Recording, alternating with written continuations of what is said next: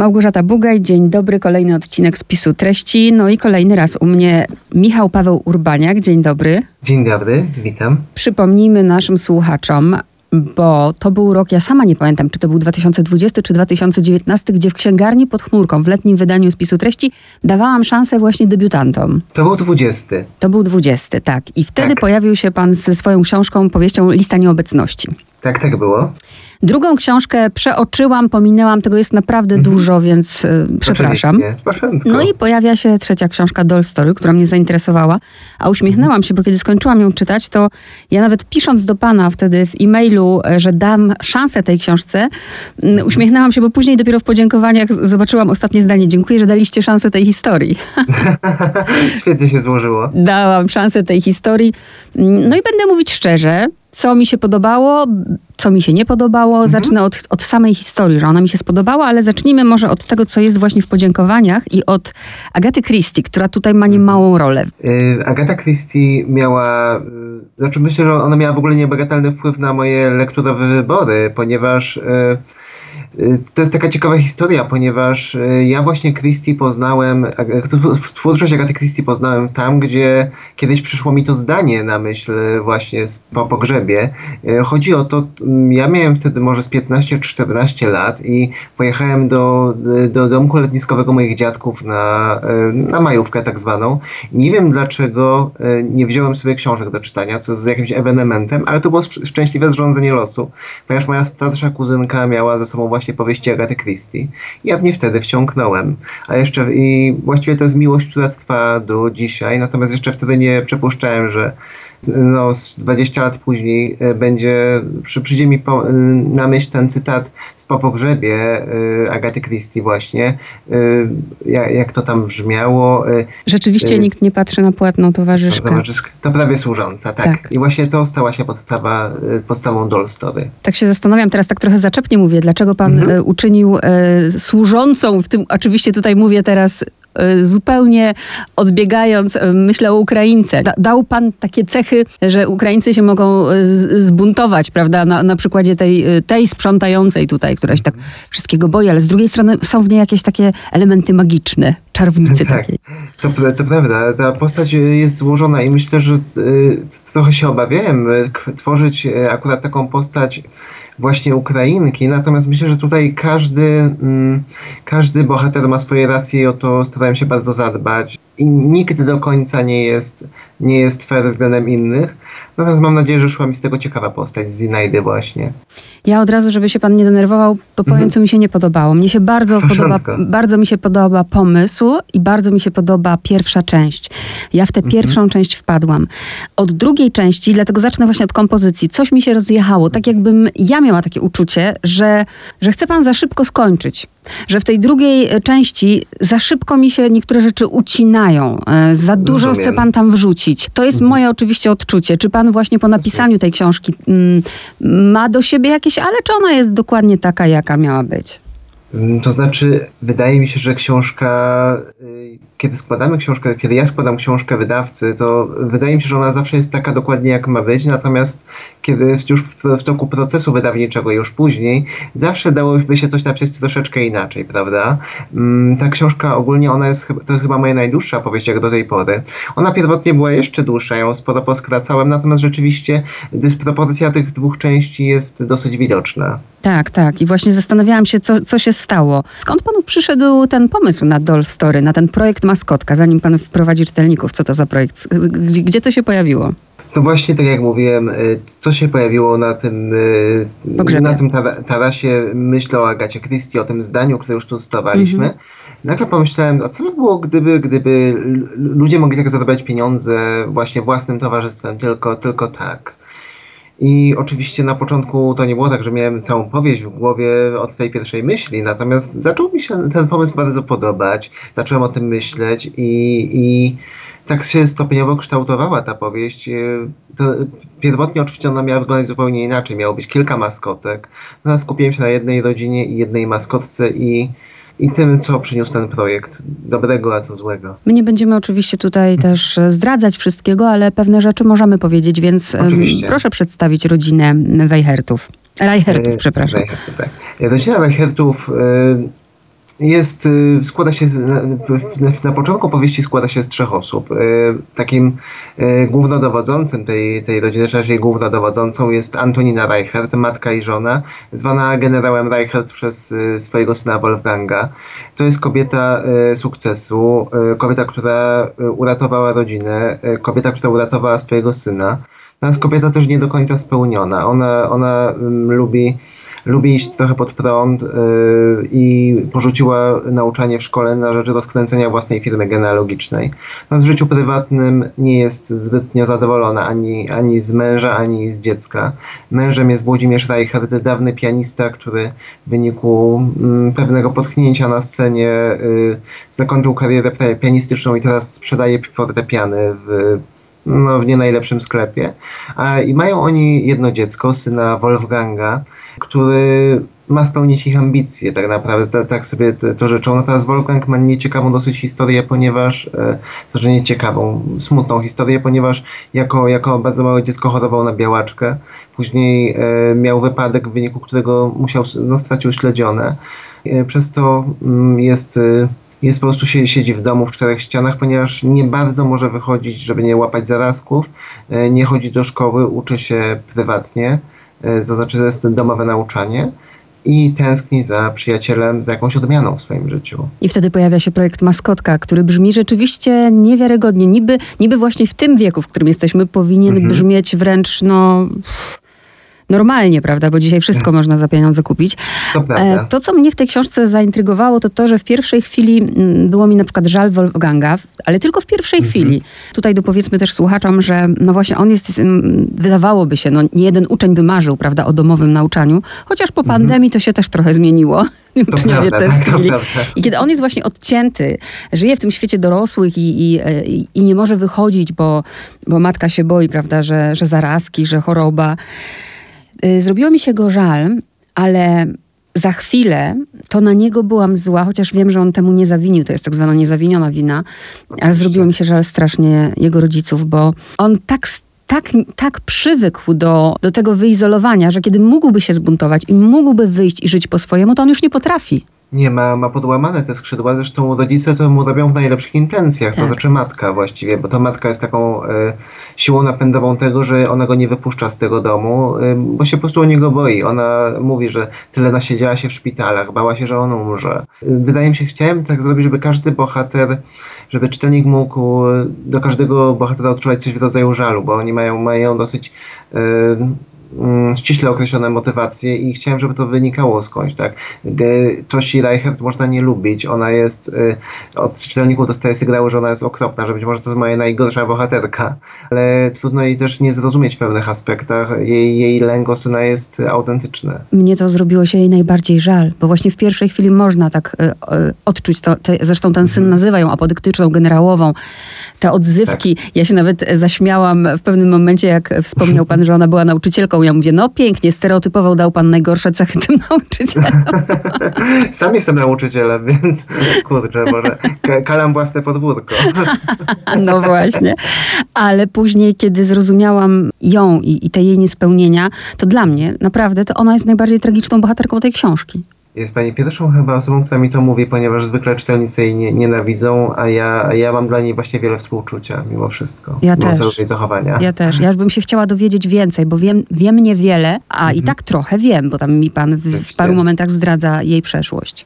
Mhm, to prawda. Myślę, że Antonina jest y, bardzo nieszczęśliwą osobą. Ona y, chciała dobrze i, i, dla męża, i dla dziecka, natomiast y, te lata wzajemnych frustracji, oni się nie umieją z mężem porozumieć. Być może, być może to choroba, choroba dziecka ich zmieniła. Tam jest taki moment w książce, gdzie oni jednak znajdują jakąś nić porozumienia, natomiast to jest tylko moment. Wydaje mi się, że to jest taki, ona też wyszła taki związek, gdzie oni głównie ze sobą walczą. Istnieją też takie związki, takie małżeństwa, chociaż to, to się odbija zawsze na dzieciach, i na ludziach również. E, co wiemy o Tosi? Wyszła jest, jej matka jest jest taką osobą, która gdzieś tam ciągle ją porównuje z bratem. Być może Tosia chce, chce po prostu tej matce pokazać, że, że jest warta jej miłości i stąd wszystko, i stąd jakby jej charakter, jej, jej przywary.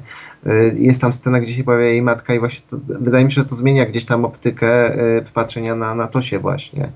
Y, i też pomaga zrozumieć, dlaczego ona tak bardzo kocha Wolfganga i dlaczego też jest taka wymagająca. Tak, tak. Względem niego. I zresztą optyka tutaj, jeżeli chodzi o każdego bohatera, się zmienia, bo z jednej strony możemy na przykład Wolfganga nie znosić jako tego Mhm. rozpieszczonego, y, rozpieszczone dziecko, a z drugiej strony rozumieć go, prawda? Czuć to, co on, Oczywiście. kiedy pojawia się Mariusz w jego życiu. On z jednej strony, on z jednej strony no właśnie jest, y, jest takim bohaterem też bardzo y, tragicznym, ponieważ no on, on nie powinien wychodzić, bo faktycznie to nie są, to nie są jakby wy, wyimaginowane zagrożenia. On faktycznie łapie zarazki jak, jak, jak gąbka wodę.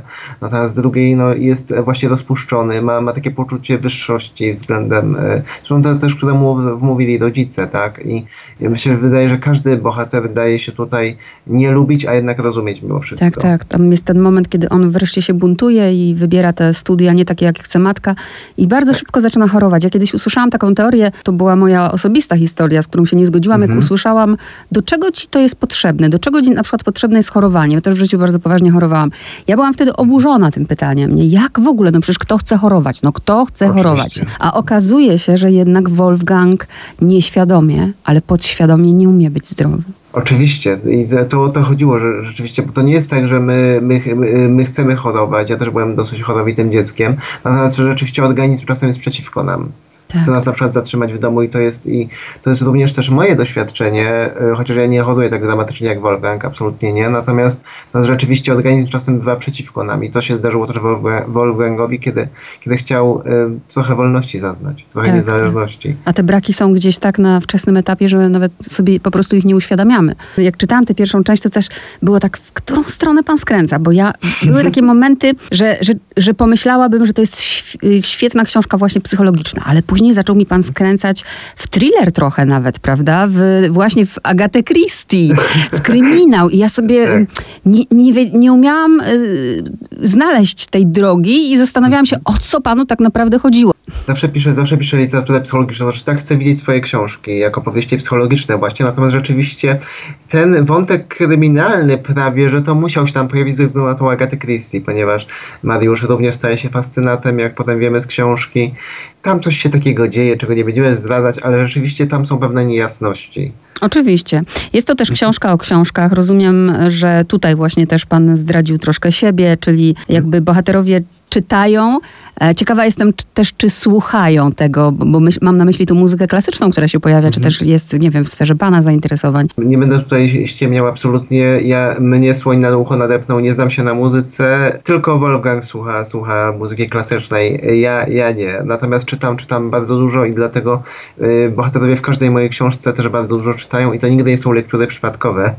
Także, także Tak, tak. zawsze są to jakieś tro- tropy, prawda? I nawet, nawet y, jak jakaś lektura po, pozornie nie e, pozornie niezwiązana z całością, nie wiem, na przykład Mariusz ma folwark zwierzęcy na, na, Tak. na półce swojej gdzieś tam. Jest taka scena, gdzie, gdzie Wolfgang obserwu, ogląda, ogląda książki Mariusza i tam znajduje folwark zwierzęcy. E, Pierwotnie, pierwotnie w książce w pierwszej wersji pojawił się ten cytat słynny. Niektóre zwierzęta, wszystkie zwierzęta są równe, ale niektóre są równiejsze od innych. Zrezygnowałem z tego na rzecz takiego bardziej dyskretnego pokazania, pokazania no dlaczego ta książka tam jest i mm, właśnie y, te cytaty są zawsze dla mnie bardzo ważne. Pojawiła się dobra pani Elizy Orzeszkowej, czego się w ogóle nie spodziewałam, bo kto dzisiaj cytuje Orzeszkową? Rozumiem Ja. oczywiście znaczenie e, e, tutaj, ale byłam zaskoczona, że sięgnął pan po Orzeszkową, którą nikt nie Znaczy, ja, ja, ja mam słabość dla pozytywizmu, zwłaszcza w, polskiego pozytywizmu, zwłaszcza w wydaniu kobiecym. E, Orzeszkowej i Konopickiej jestem wielkim fanem jednej i drugiej pisarki.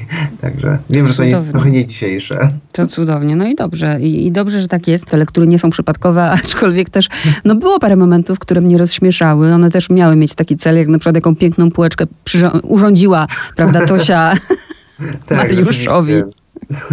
Moja pierwsza, moja pierwsza książka akurat była wyz- niemal wyzuta z y, takiego, z takich momentów rozśmieszających, ale tutaj y, przy Dolsach już się pilnowałem, żeby coś tam było jednak takiego, co rozluźni nieco tą, tą taką duszną atmosferę momentami. żeby coś powiedzieć o tym Mariuszu, Mhm. bo Tak, mm, tak. każdy tu ma jakieś braki, każdy ma, ja nawet bym powiedziała, że w tej książce nie ma żadnej osoby, e, która by nie, nie, mm, nie była z jakimś nie chcę nazwać wszystkiego uzależnieniem, bo uzależnienie też tu jest, ale taką, mm, taką wyrwą, jakąś wielką, wielką wyrwą. Każdy ją ma i każdy chce ją zapełnić, Oczywiście. prawda, różnymi rzeczami. Nie będę tak, tu już łopatologicznie teraz właśnie wytłumaczyć wy, wy, tego czytelnikom, bo przeczytacie sami. No ale ten Mariusz jest też na tyle intrygujący w jednym momencie dla mnie. Nie pasowało mi to do całego jego charakteru, do tego, jaki on jest wcześniej, później, jak się zachowuje, jak odpowiada. Nie pasowało mi to, że, mm, że chciał mówić mamo, tato. Rzeczywiście, y, to jest taki moment y, dosyć kontrowersyjny, no bo dla mnie, y, jakby, gdy, kiedy ja to pisałem, wydawało mi się, że to jest celowe, że, że on próbuje, bo on próbuje wejść w ten dom i próbuje, na początku on jest zagubiony i próbuje różnych strategii. On nie umie się w tym odnaleźć, dlatego Pytanie, czy on naprawdę tego chciał. E, Właśnie, czy, czy to nie była strategia, bo o tym, nad tym się zastanawiałam. Tak, to była, tak, to była strategia. To jest zdradzę trochę z takich pisarskich sztuczek, ale tak, to była strategia, dlatego to, to się wydaje nienaturalne. Zresztą, zresztą oni się na to nie godzą absolutnie i, mm -hmm. i Mariusz wcale nie jest z tego powodu jakoś nieszczęśliwy specjalnie. Oni rozmawiają Ani Zielonego Wzgórza i yy, mi się przypomniała ta scena, w której Ania pyta, pyta Marylę, czy, czy może mówić tak. do niej ciociu. E, Maryla się oczywiście nie zgadza, mówi nazywaj mnie Marylą, nikt tak do mnie nie mówi, ani, ani panno Cadbert. Myślę, że Mariusz tutaj odgrywał w tej scenie w pewnym momencie właśnie mm, chciał się dostosować do oczekiwań, ale musiał je, musiał je poznać. Mm-hmm. Coś, co też było dla mnie zaskakujące, że mm, Wolfgang, wychowany właśnie w takim, no, w takim szklanym kloszu, tak można powiedzieć, potrafi jednak być na tak zbuntowanym, prawda, gdzie on bez ogródek potrafi powiedzieć matce i ojcu ich językiem, czyli takim słownictwem, jakim oni się tak. posługują, prawda, bo to jest właśnie tak jak pan, tak jak gdzieś chyba na okładce tej książki, ta gra pozorów, to zakłamanie po prostu, to, że jesteśmy inni w środku, inni na zewnątrz, inni w domu, inni przed gośćmi. Wolfganga, Wolfganga poznajemy w momencie, w którym on się już zaczyna buntować, to jest jakby napisane to chyba na pierwszej czy tam drugiej stronie, że on jakby dojrzewa do buntu, a to, że on się posługuje językiem, językiem rodziców swoich, to jednak jednak to wynika po części z tego, jaka tam jest sytuacja i czego on słucha tak naprawdę na co dzień, kiedy oni się kłócą. W pewnym momencie nie, y, myślę, że to dziecko nie, nie wytrzymuje po prostu i zaczyna bić rodziców tą ich własną bronią, ponieważ dziecko, które posługuje się takim językiem, przeraża i przeraża i gorszy, tak? I on gorszy swoich rodziców, natomiast oni go tego nauczyli tak naprawdę. To jest język, który, który, którego on wysłuchuje, prawda? Te wszystkie no, nie, niezbyt, niezbyt cenzuralne rzeczy. To tak jak się czasem mówi, skąd ty dziecko znasz takie słowa, nie? E, właśnie. jak rodzice nie kontrolują tego, jak się zachowują przy dzieciach. Co panu sprawiło taką największą frajdę i największą trudność przy pisaniu tej książki? Największą frajdę? Y, myślę, że y, największa frajda zawsze jest to, zawsze jest to poznawanie bohaterów, ponieważ kiedy oni są na tyle jakby złożeni, że oni mi się często wymykali bardzo, szli własnymi ścieżkami i mnie to, mnie to zawsze najbardziej fascynuje w pisaniu, w literaturze, kiedy, kiedy historia się wymyka, kiedy, kiedy bohaterowie się wymykają i wtedy są naprawdę żywi i wtedy ja mam wrażenie, że jestem jakimś tylko kronikarzem, nie autorem, ja tylko spisuję. Natomiast co było najtrudniejsze, oczywiście najtrudniejsze były te sceny, w których tam dochodzi do eskalacji nienawiści wzajemnej, bo to, bo jakby piszę dłuższe sceny, ale żeby one były dobre, to ja też muszę się wczuć w ten klimat, prawda, jako pisarz. I, I, to jest i to jest, to jest duże brzemię. Natomiast jeżeli te sceny dobrze wyszły, to, to jest to mój taki mały sukces, ale rzeczywiście ja każdą swoją książkę muszę to trochę emocjonalnie okupić. No, to jest taka cena, którą się płaci za pisanie, pisanie takich mocniejszych historii po prostu. Muszę się wczuć dobrze w bohaterów i no, to ma swoje konsekwencje. Dwa słowa o tytule. Był na początku czy na końcu? Tytuł? Tytuł był gdzieś w trakcie. To, to jest tak na pewno nie na początku, ponieważ zawsze tytuł mam jakiś roboczy yy, i czekam na ten właściwy. Wpadł mi do głowy gdzieś tam w trakcie pisania, już wiedziałem, że to będzie ten. Tolstoy. Wiem, że to jest taka, taka teraz tendencja też wydawców do, do, pis- do angielskich tytułów, do oryginalnych tytułów, natomiast on był, on był to było nawiązanie do pewne, pewnej kreskówki, tak, którą być tak. może słuchacze znają i jakoś nie wyobrażałem sobie już innego. Mm-hmm, mm-hmm. Okładka zresztą bardzo ciekawa. A propos, właśnie teraz dopiero y, y, spojrzałam na nią i, i, pomyślałam o tym, co powiedziałam przed chwilą o szklanym kloszu, prawda? Jestem, mm. jestem absolutnie zachwycony okładką, tak jak każdą inną okładką mojej książki, ale ta, ta ten moment, kiedy ja ją zobaczyłem pierwszy raz, y, ona mnie po prostu wbiła w fotel. Naprawdę mówiąc, mówiąc kolokwialnie, byłem, byłem zachwycony tą okładką, ponieważ tak naprawdę, jeżeli zna się już treść książki, widać całą złożoność tej okładki, bo pytanie, który z tych chłopców jest na tej okładce. Tak naprawdę. oczywiście. No a nawet, nawet pomyślałam o ojcu, nie? Każdy tu może być. A teraz na świeżo jest pan po spotkaniu autorskim, bo Mhm. żeśmy korespondowali, to mm, Tak. z jakim odbiorem się pan spotyka? O co ludzie pytają najczęściej? Co mówią? To znaczy najczęściej narzekają na Tosię i dlaczego, dlaczego tworzę i pytają, dlaczego tworzę bohaterów, których nie da się lubić. Natomiast to, co mnie najbardziej fascynuje w odbiorze, w odbiorze Doll Story, to to, że każdy zwraca uwagę na coś innego, y, każdy inaczej ją odbiera, każdy, każdy mówi o innych sprawach i w każdym ta książka inaczej działa i to jest, i to jest jakby wielka pochwała dla mnie jako dla twórcy, ponieważ dzieło, że- dzieło, żeby się sprawdziło, nie może być obojętne. Ono może nas wkurzać, może nas wzruszać, ale nie powinno nas pozostawić obojętnym czy obojętną. No proszę. A dla mnie właśnie najbardziej tragiczną bohaterką jest Tosia. Najwięcej mam dla niej współczucia. I to jest to przed chwilą, potwierdzenie na to, o czym przed chwilą Tak. pan powiedział. Nie- Jest nas dwoje w takim razie. Ja tylko zabawnie powiem na koniec, jak mm, mój znajomy złapał, bo czytałam tę tę książkę i złapał i przeczytał okładkę i mówi, o Boże, dlaczego ty musisz takie ciężkie książki wybierać? Ciężkie w sensie trudne tematy, tak, tak. E, ale to, to tak jak mówię, każdy, każdy czegoś innego poszukuje w literaturze. Mnie to zaintrygowało i chciałabym, jako wielka fanka i zwolenniczka mm, psychologii, chciałabym, żeby Tosia, czy, czy, czy Mariusz, czy, czy Wolfgang, żeby poszli na terapię. Tak, moi bohaterowie zwykle się dają na terapię i czasami recenzenci mi to sugerują. Dlaczego ich tam nie wyślę? No, tam nie byłoby książki. Bardzo dziękuję za rozmowę. Ja również. Story, Michał Paweł Urbaniak. Dziękuję bardzo.